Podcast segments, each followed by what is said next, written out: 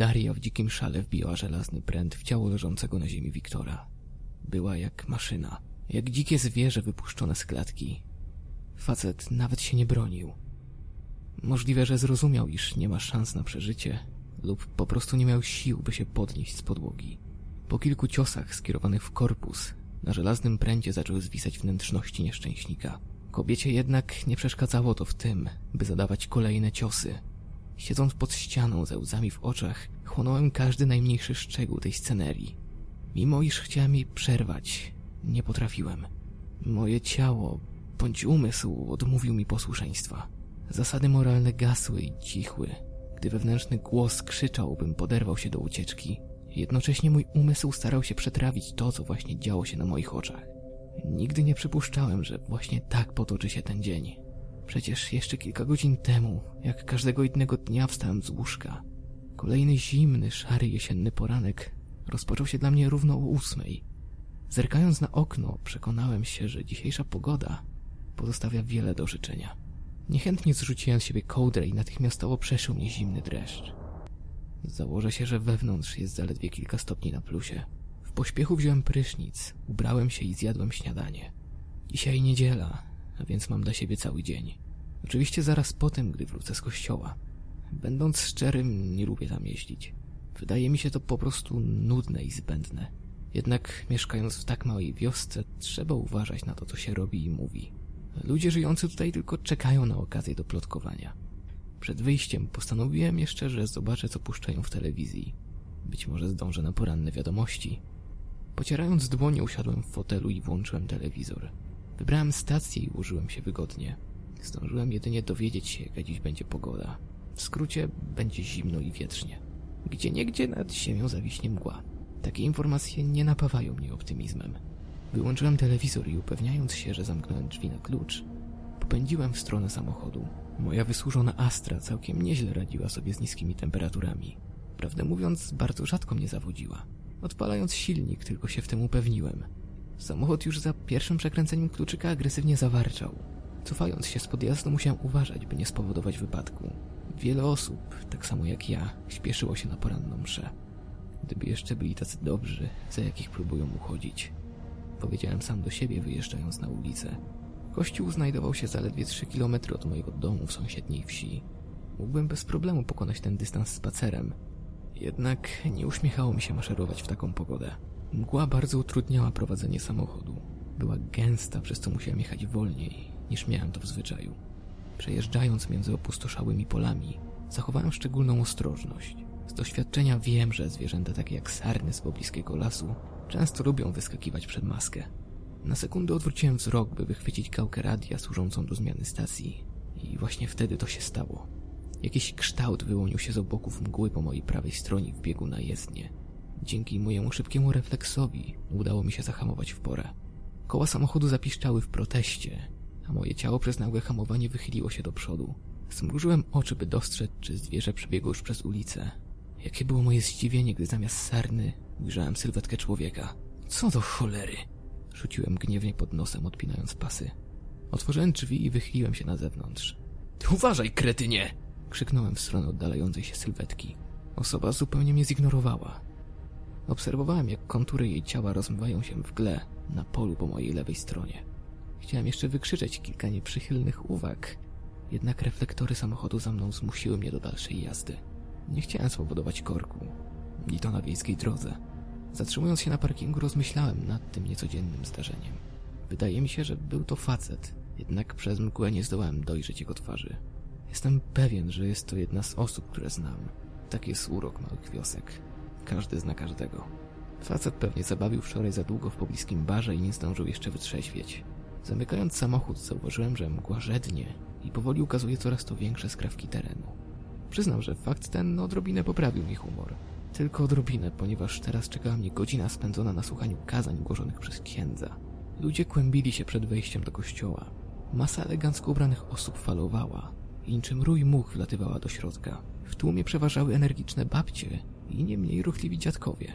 Wzdychając dołączyłem do tłumu, bo czekałem na swoją kolej, by wejść do środka. Msza odbywała się swoim rutynowym i nużącym tempem. Nic nadzwyczajnego się nie działo. Do czasu, Stojąc w piątej ławce po lewej stronie, moją uwagę przyciągnął jeden z mężczyzn. Był to stary Pawlak. Facet w średnim wieku. Miał swoje gospodarstwo kilkaset metrów od mojego domu. Ubrany w czarne spodnie i flanelową koszulę w kratę, stał w drugiej ławce po mojej prawej stronie. Jednak jego zachowanie znacząco odbiegało od normy. Mężczyzna nerwowo uderzał palcami o oparcie ławki, znajdującej się przed nim. Co chwila zanosił się kaszlem i delikatnie unosił się na palcach, by po chwili upaść napięty i powtórzyć tę czynność. Osoby stojące obok niego dyskretnie odsunęły się na bok. Nawet sam proboszcz rzucał facetowi gniewne spojrzenia. Stary Pawlak nerwowo rozglądał się na boki, zupełnie tak, jakby obawiał się, że zaraz zostanie zaatakowany. Osoby stojące przed nim zaczęły szeptać. Inny facet stojący za nim położył dłoń na jego ramieniu, chcąc go uspokoić. Nie pomogło. Koniec końców, wszyscy postanowili zignorować faceta i jego nadmiar energii. Msza toczyła się dalej. Przekażcie sobie znak pokoju, rzekł proboszcz, znudzonym tonem głosu. Jak na rozkaz, wszyscy zaczęli ściskać dłonie sąsiadów.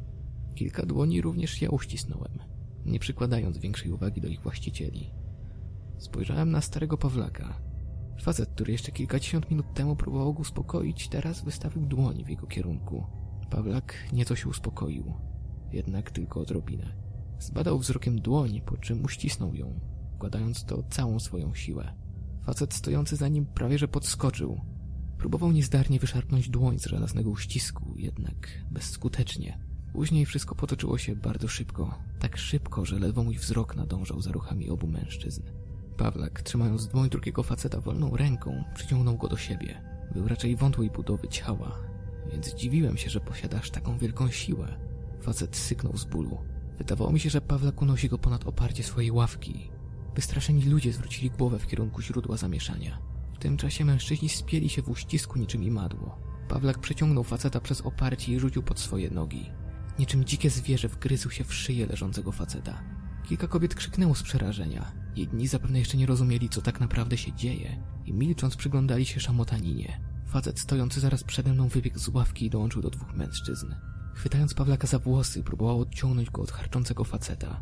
Gdy mu się to udało, Pawlak zaczął używać swoich rąk. Nie jestem pewien, jak wielką krzywdę wyrządził leżącej osobie, ponieważ rząd ławek ograniczał moje pole widzenia. Sądząc jednak po jękach, potrzebna była karetka. I to natychmiast. Ktoś chyba wpadł na ten sam pomysł, ponieważ moich uszu dobiegła głośna rozmowa. Jakaś kobieta za moimi plecami podawała właśnie adres i opisywała całą sytuację. Do akcji włączył się krzepki kościelny. Pomimo podeszłego wieku facetowi nie brakowało wigoru. Razem z drugą osobą, która wciąż szarpała Pawlaka za włosy, udało się im rzucić napastnika na ziemię. Dopiero teraz zauważyłem, że facet leżący na czarno-białej szachownicy ma usta oraz dłonie ubrudzone krwią. Kościelny wraz z facetem starali się obezwładnić agresywnego mężczyznę. Napierali na niego rękami i nogami. Jednak ten nie zamierzał się tak łatwo poddać. Wymachując nogami rzucał się na boki. Z jego ust wydobywał się warkot zmieszany z bulgotem świeżej krwi. Kilka osób pośpiesznie wyszło na zewnątrz. Inni wpatrywali się w trójkę facetów na ziemi. W końcu zebrałem się w sobie, by pomóc w obezwładnieniu napastnika. Pobiegłem do szarpiących się osób. Kościelny zawył z bólu i odsunął się pod ławkę, chwytając się za nadgarstek. Z pomiędzy zaciśniętych palców stróżkami wypływała krew. Ukusnąłem przymiotającym się Pawlaku i z całej siły uderzyłem go w twarz. Głowa faceta bezwładnie opadła na czarno-białą posadzkę. Rozpętała się panika. Kilka osób pokrzykiwało się nawzajem.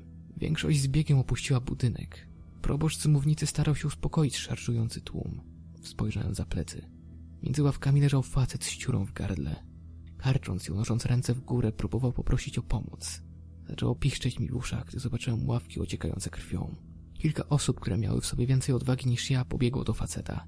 Wspólnymi siłami wyniesiono go i postawiono w przejściu między ławkami, zaraz obok nieprzytomnego oprawcy. Przyciśnij ranę, rozkazała jedna z kobiet. Gdy większość ludzi opuściła kościół, zapanowała cisza przeplatana z poleceniami bardziej doświadczonych ludzi. Gdzie jest ta karetka? zapytał nerwowo ksiądz, schodząc z mównicy. Na puchnej twarzy faceta malował się niepokój, zmieszany z przerażeniem. Gdzie jest ta karetka? Zapytał tym razem głośniej. Obok krwawiącego faceta zgromadziło się pięć osób. W całym kościele zostało ich około piętnastu. Już dzwoniłam, zaraz będą, powiedziała młoda dziewczyna cichym głosem. Była to córka sołtysa. Rzadko miałem okazję z nią rozmawiać. Wiem tylko, że ma na imię Daria i uczęszcza do liceum w pobliskim mieście. Jeden z facetów uściskał ranę poszkodowanego. Reszta wpatrywała się w niego tak, jakby sami nie wiedzieli, po co tu są. Oparłem się o jedną z ławek. Mimo iż nie zrobiłem wiele, ciężko dyszałem, łapczywie pochłaniając kolejne porcje tlenu. Sięgnąłem prawą dłonią do swojej szyi, by odpiąć jeden z guzików koszuli. Później przetarłem rękawem czoło. Nie byłem pewien, że to, co właśnie zobaczyłem, działo się naprawdę. Że jest to tylko mój koszmar, a ja wciąż śpię. Zauważyłem, że w ławce, o którą się opieram, siedzi jedna osoba. Facet bacznie mi się przyglądał, a gdy złapałem jego wzrok, opuścił głowę. Gdzieś już go widziałem. Mężczyzna na pewno nie mieszka w mojej wiosce. Jednak często w niej bywa. Czterdziestoparolatek unika mojego wzroku, niczym oskarżony przed sędzią. Nagle wstał i skierował się w stronę wyjścia. Gdy był w połowie drogi, zatrzymałem go. Ej, poczekaj! Rzuciłem, zmierzając za nim. Pozostali odwrócili się w naszą stronę, zainteresowani. Facet nie zatrzymał się, wręcz przeciwnie, przyspieszył krok. Dogoniłem go truchtem i położyłem dłoń na ramieniu, chcąc go zatrzymać. Mężczyzna zareagował dziwnie. Był agresywny, gotowy do walki. Nie dotykaj mnie! Wycedził przez zaciśnięte zęby. Nieco się wystraszyłem, jednak jego zachowanie wzbudzało we mnie pewne podejrzenia. Uspokójcie się, panowie, powiedziała łagodnym tonem kobieta, która przed chwilą wydawała polecenia. Wystarczy nam już wypadków, dodała po chwili, podchodząc bliżej. Facet przeniósł swój wzrok na resztę grupy, która próbowała pomóc rannemu. Założyłem, że obserwujący ich facet bije się z myślami. Ej, jesteś weterynarzem, prawda? Chodź tu i nam pomóż, powiedział facet uściskający ranę. Racja, to właśnie dlatego go zapamiętałem. Mężczyzna pracował jako weterynarz i świadczył swoje usługi miejscowym rolnikom. Słysząc prośbę, facet zawahał się. Po krótkiej chwili ruszył w stronę klęczących mężczyzn, a ja ruszyłem zaraz za nim. Wiktor, ty na pewno się znasz. Zaczął jeden z facetów, jednak Wiktor mu przerwał. Ja już nic nie zdziałam, powiedział podłamany, badając wzrokiem faceta na ziemi. Mężczyzna z dziurą w gardle leżał na ziemi bez krzty życia. Wiktor natomiast podszedł do opartego ławkę kościelnego. Wyciągnął dłonie w jego kierunku, chcąc przyjrzeć się ranie. Starszy mężczyzna wyciągnął zakrwawioną dłoń w kierunku weterynarza. Uważnie obejrzał dłoń, po czym oderwał rękaw koszuli kościelnego. Facet skrzywił się z bólu, gdy Wiktor ściągał oderwany materiał. Z kawałka szmaty zrobił prowizoryczną opaskę uciskową, którą zawiązał zaraz pod skięciem łokcia. Tyle musi wystarczyć. Resztą zajmą się ludzie z pogotowia. Powiedział, podnosząc się z klęczek. Nim się obejrzałem, Wiktor znów skierował swoje kroki w stronę wyjścia.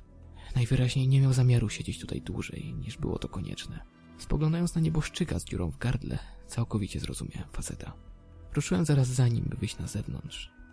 Reszta grupy odprowadziła nas wzrokiem. Wiktor zerknął za plecy i widząc, że znów podążam za nim, przyspieszył kroku. Nikt nie protestował, więc uznałem, że nie będzie problemu, jeżeli wrócę do domu. Musiałem odreagować całą sytuację. Aż ciężko uwierzyć, że stary Pawlak postradał zmysły. Wiktor przystanął przy wielkich drewnianych drzwiach i z impetem pociągnął je do środka. Drzwi w asyście skrzypień otworzyły się, wpuszczając do środka promienie porannego słońca. Facet przede mną jednak nie wychodził na zewnątrz.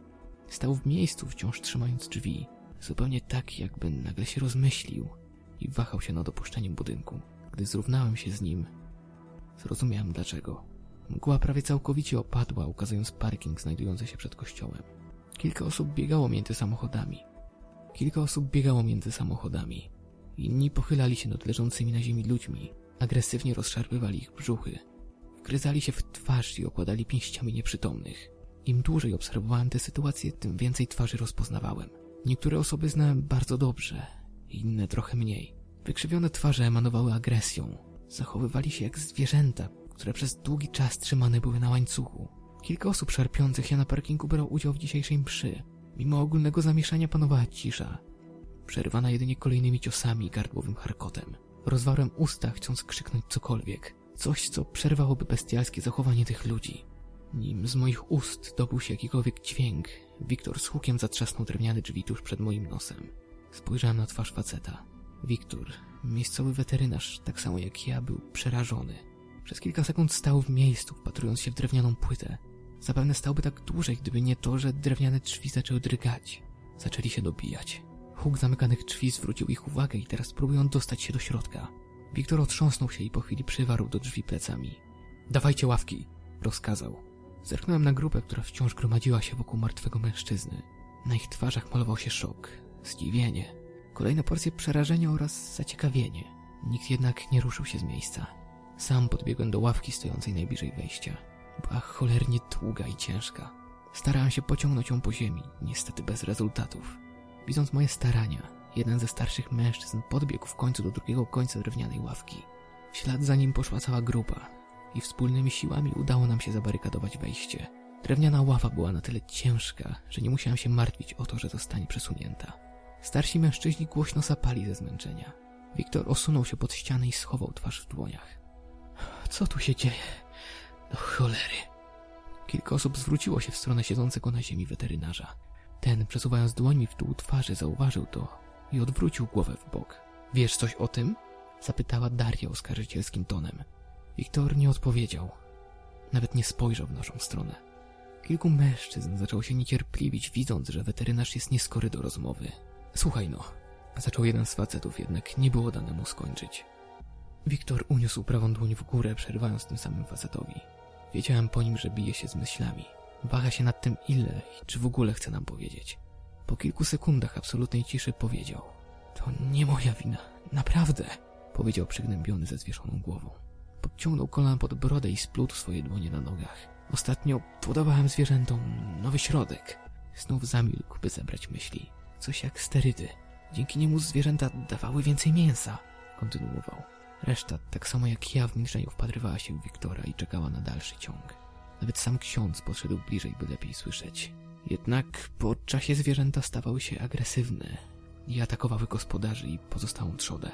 Powiedział tak cicho, że ledwo go usłyszałem. Facet zamilkł na dłuższą chwilę. Chyba nie zamierzał na nowo podjąć tematu. Chcesz powiedzieć, że... Zaczęła Daria spokojnym tonem. Jednak Wiktor znów jej przerwał. Nie wiem, ale na to wygląda. To paskudztwo musiało jakoś przedostać się na ludzi. Wytłumaczył wciąż unikając kontaktu wzrokowego. Spojrzałem na resztę grupy. Na ich twarzach gościła złość i niepokój. Nikt się nie odzywał. W całym budynku panowała cisza, a jedynym słyszalnym dźwiękiem był hałas dobiegający z zewnątrz. Ty gnoju, rzucił jeden z starszych mężczyzn wychodząc do przodu. Z zaciśniętą pięścią zatrzymał się przed Wiktorem. Schylił się i podniósł go na nogi. Pomimo podeszłego wieku starszemu nie brakowało wigoru. Facet cedził coś przez zęby, na tyle niewyraźnie, że nie byłem w stanie zrozumieć. To znaczy, że pan Pawlak też?